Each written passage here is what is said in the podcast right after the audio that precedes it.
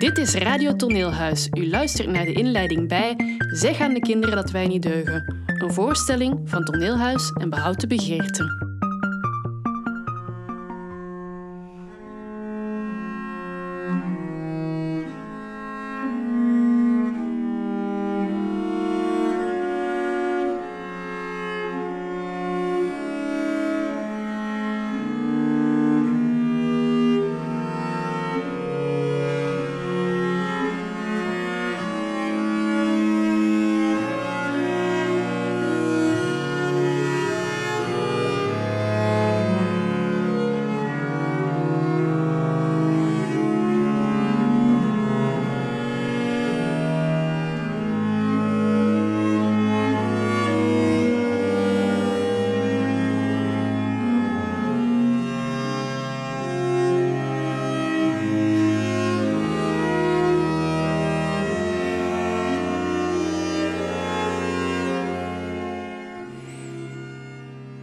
Dat Guy Cassiers met deze voorstelling zijn laatste seizoen als artistiek leider van Toneelhuis afsluit, is niet toevallig.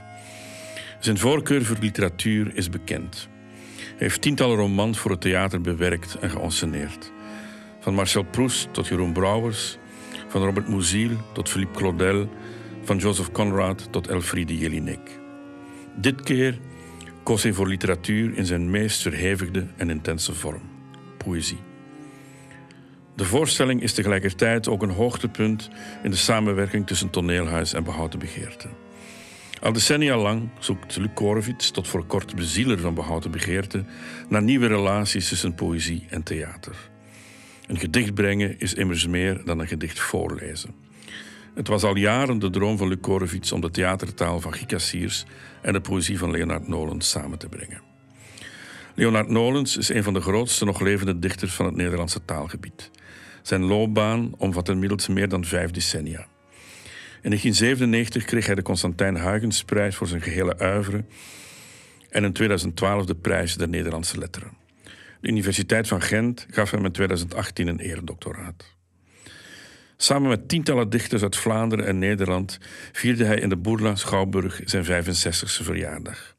in april van dit jaar wordt hij er 75. De voorstelling is dus een eerbetoon aan de dichter Nolens en een liefdesverklaring aan de taal. En aan de acteur, die bestaat bij het zeggen van de woorden van anderen.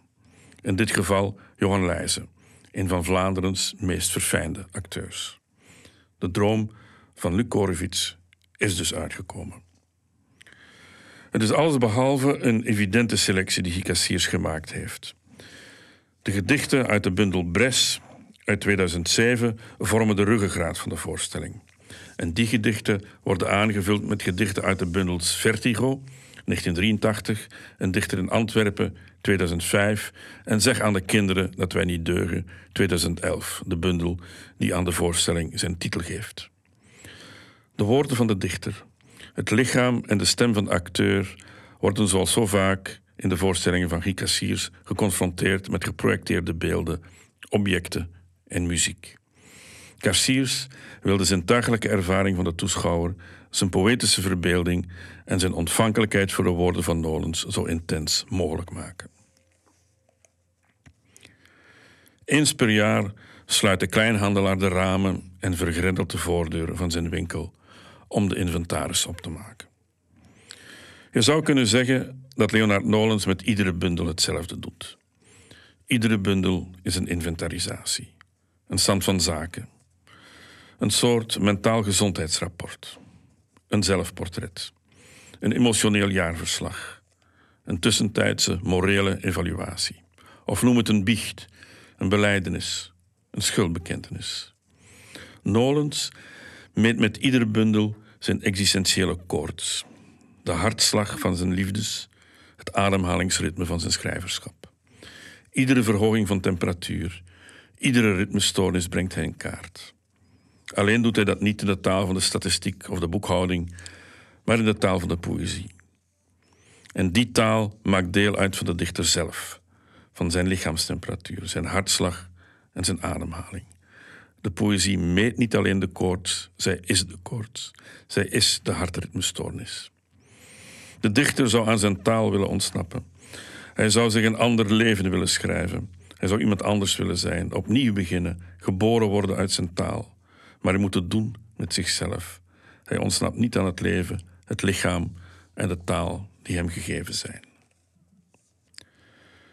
In de voorstelling zeg aan de kinderen dat we niet deugen, meet de dichter echter niet alleen zijn eigen koorts, maar ook de koorts van zijn generatie en de koorts van onze tijd. Meer dan de spanningen, de paradoxen en de contradicties binnen het ik en tussen ik en jij, zoals dat in veel van de gedichten van Leonard Nolens het geval is, gaat het in deze selectie van gedichten vooral om het wij. De gedichten zijn een scherpe en harde afrekening van de dichter met zijn generatie. Het is een nuchtere en tegelijk hartstochtelijke biecht en schuldbekentenis. De dichter probeert na te gaan tot welke wij, tot welke groep hij behoorde en of hij er wel toe behoorde.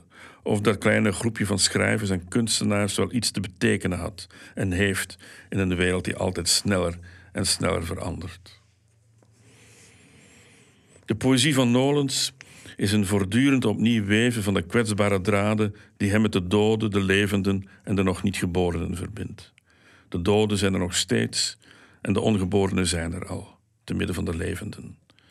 In dat onoverzichtelijke web van relaties met de anderen zoekt de dichter naar de betekenis van woorden als ik, jij en wij, en naar de juiste afstand daartussen.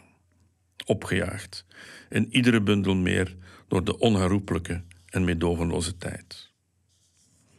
Het is geen toeval dat de voorstelling begint met de geboorte, met de geboorte van een kind dat vreemd tegen de wereld aankijkt. Het eindigt opnieuw met een kind. Het maakt de cirkel rond. Ik citeer de laatste regels. Als wij, de grote mensen, moe zijn van het praten, van het praten, van het praten met elkaar, gaan wij de tuin in en verzwijgen ons. In de kat, in het gras, in het kind. Daartussen, tussen het moment van verschijnen en het moment van verdwijnen, speelt zich alles af. Johan Leijzen brengt de gedichten als een lange gedachtegang, een steeds opnieuw beginnende poging om zijn verhouding tot de wereld en de anderen te verwoorden, om toegang tot hen te zoeken en zich tegelijkertijd tegen hen te beschermen, om bij de anderen te willen zijn en toch steeds het alleen zijn te cultiveren, te willen spreken, maar het voortdurend schrijven in eenzaamheid. We herkennen de grote momenten van de levenscyclus, de geboorte, de ouders, de opvoeding, de kerk, de jeugd, de overmoed, de jaren zestig, de politieke discussies tussen links en rechts, het kunstenaarschap, de vervreemding, de prijs die daarvoor betaald moet worden in de eenzaamheid, de ouderdom. Dat alles kan niet anders uitgedrukt worden dan in paradoxale verwoordingen, zoals in dit gedicht. Wij waren enkele. Wij hadden vanzelf geen vanzelfsprekende inhoud, van jou en mij. We hielden met moeite van ons. We hielden ons niet vast. We hielden ons niet uit. We hielden ons niet vol. Wie zijn nu die wij? Wie is die jou en mij die zich niet volhouden? De dichter en zijn geliefde, de dichter en zijn vrienden, de dichter en zijn lezer, en misschien ook de acteur en de toeschouwer, en daarachter de regisseur en zijn publiek. Allemaal tegelijkertijd wellicht. We vroegen Johan Leijzen een gedicht voor te dragen dat hem na aan het hart lag en dat niet in de voorstelling voorkomt. Hij kwam met een voor ons verrassende keuze. Luistert u zelf.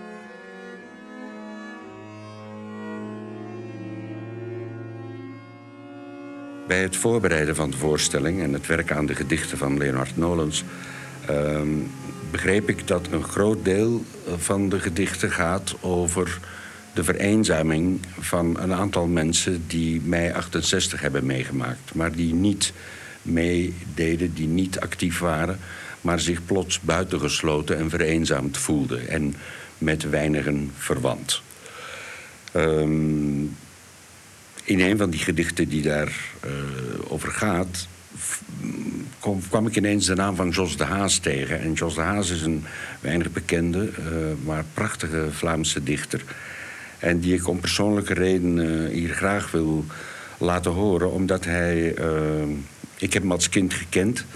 En hij heeft een gedicht geschreven dat mij zeer nauw aan het hart ligt. Ik laat even de regels horen waar hij in vermeld wordt, dus in het gedicht van Leonard.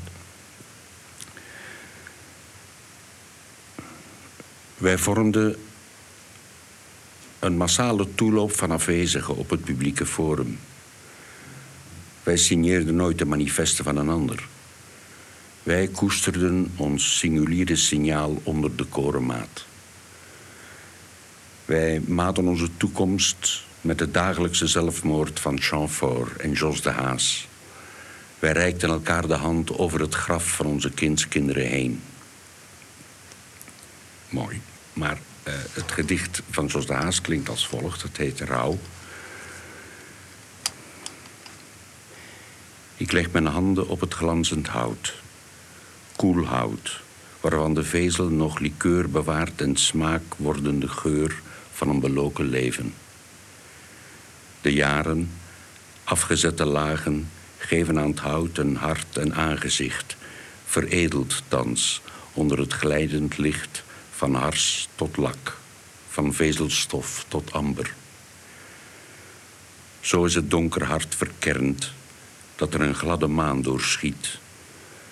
Het horen van een versteend verdriet door het verhoornend vlees der vorderende dood. Dus ja, er is verwantschap tussen de twee heren. Op de website van Toneelhuis vindt u interviews, foto's en andere informatie over de voorstelling terug. Wat nu volgt is een visuele beschrijving bij Zeg aan de kinderen dat wij niet deugen. Deze beschrijving is speciaal voor blinden en slechtzienden ter voorbereiding op de beeldende aspecten van de voorstelling. In plaats van heel gedetailleerd te omschrijven wat Gicassiers en zijn ploeg in beeldtaal op de scène neerzetten, willen wij u op voorhand inwijden in de verschillende technische middelen die hij gebruikt. Op die manier kunt u zich laten leiden door de taal van Leonard Nolens, de stem van Johan Leijzen en de soundscape van Diederik de Kok. Zij vormen als het ware een gids om de verbeelding te openen. Een ademhaling waarop u de momenten invult van subtiel bewegend licht dat terug overgaat in donkerte.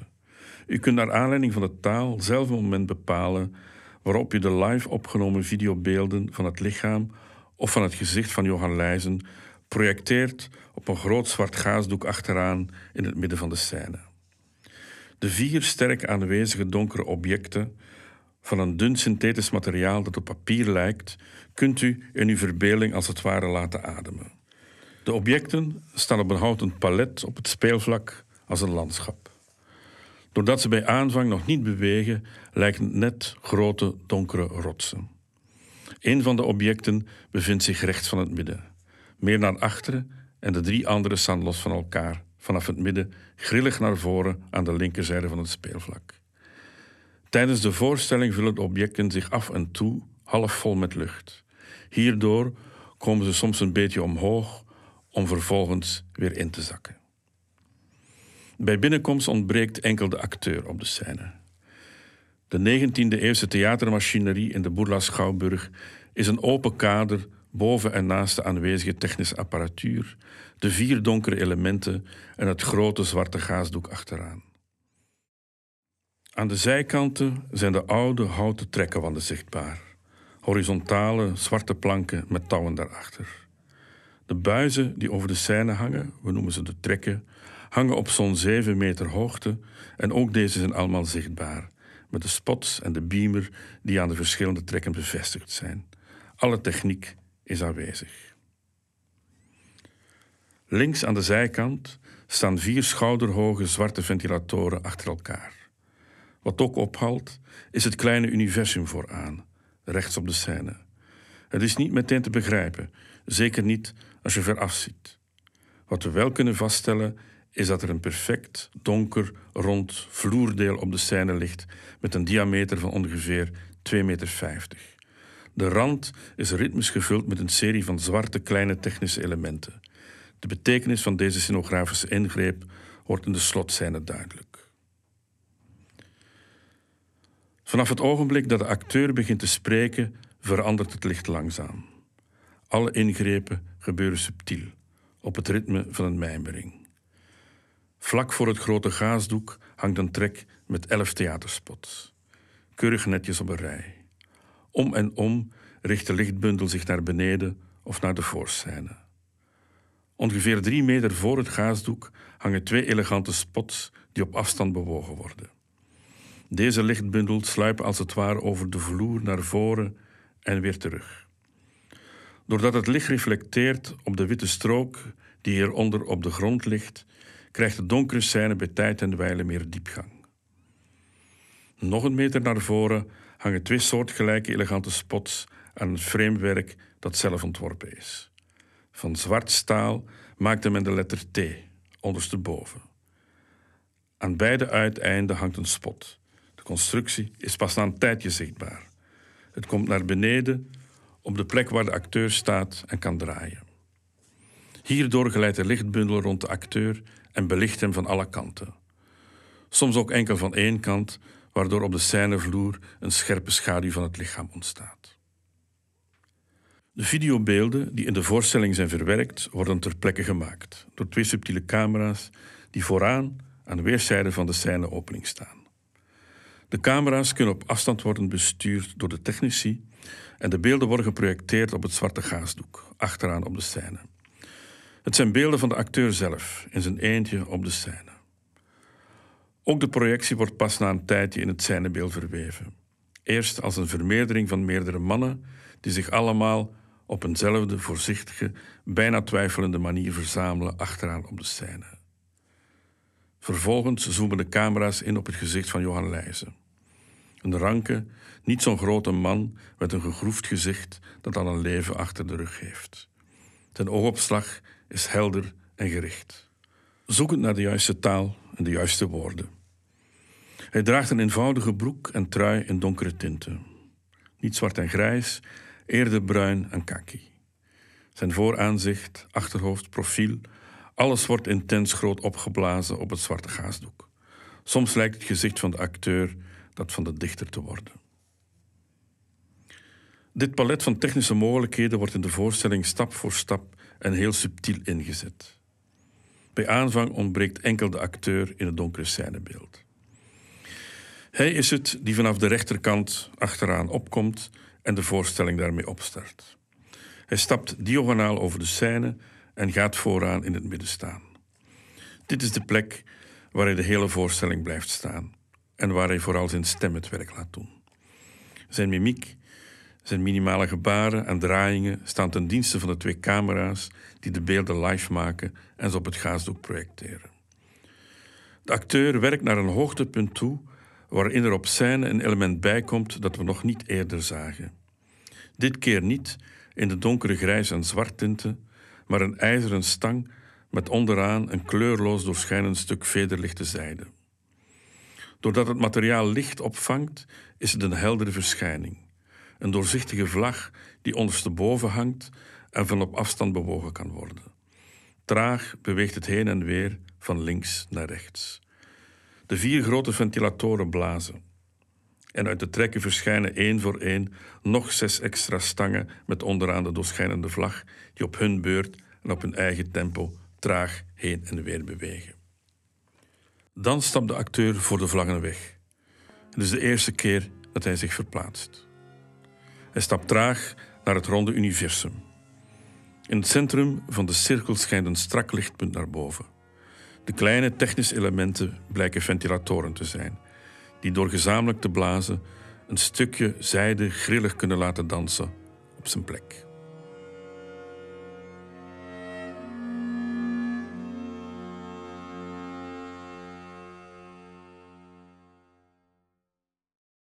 Toneelhuis organiseert live audiobeschrijvingen tijdens matineevoorstellingen in de Bourla. Op de website vindt u alle informatie of bel naar de ticketbalie op nummer 03 224 8844.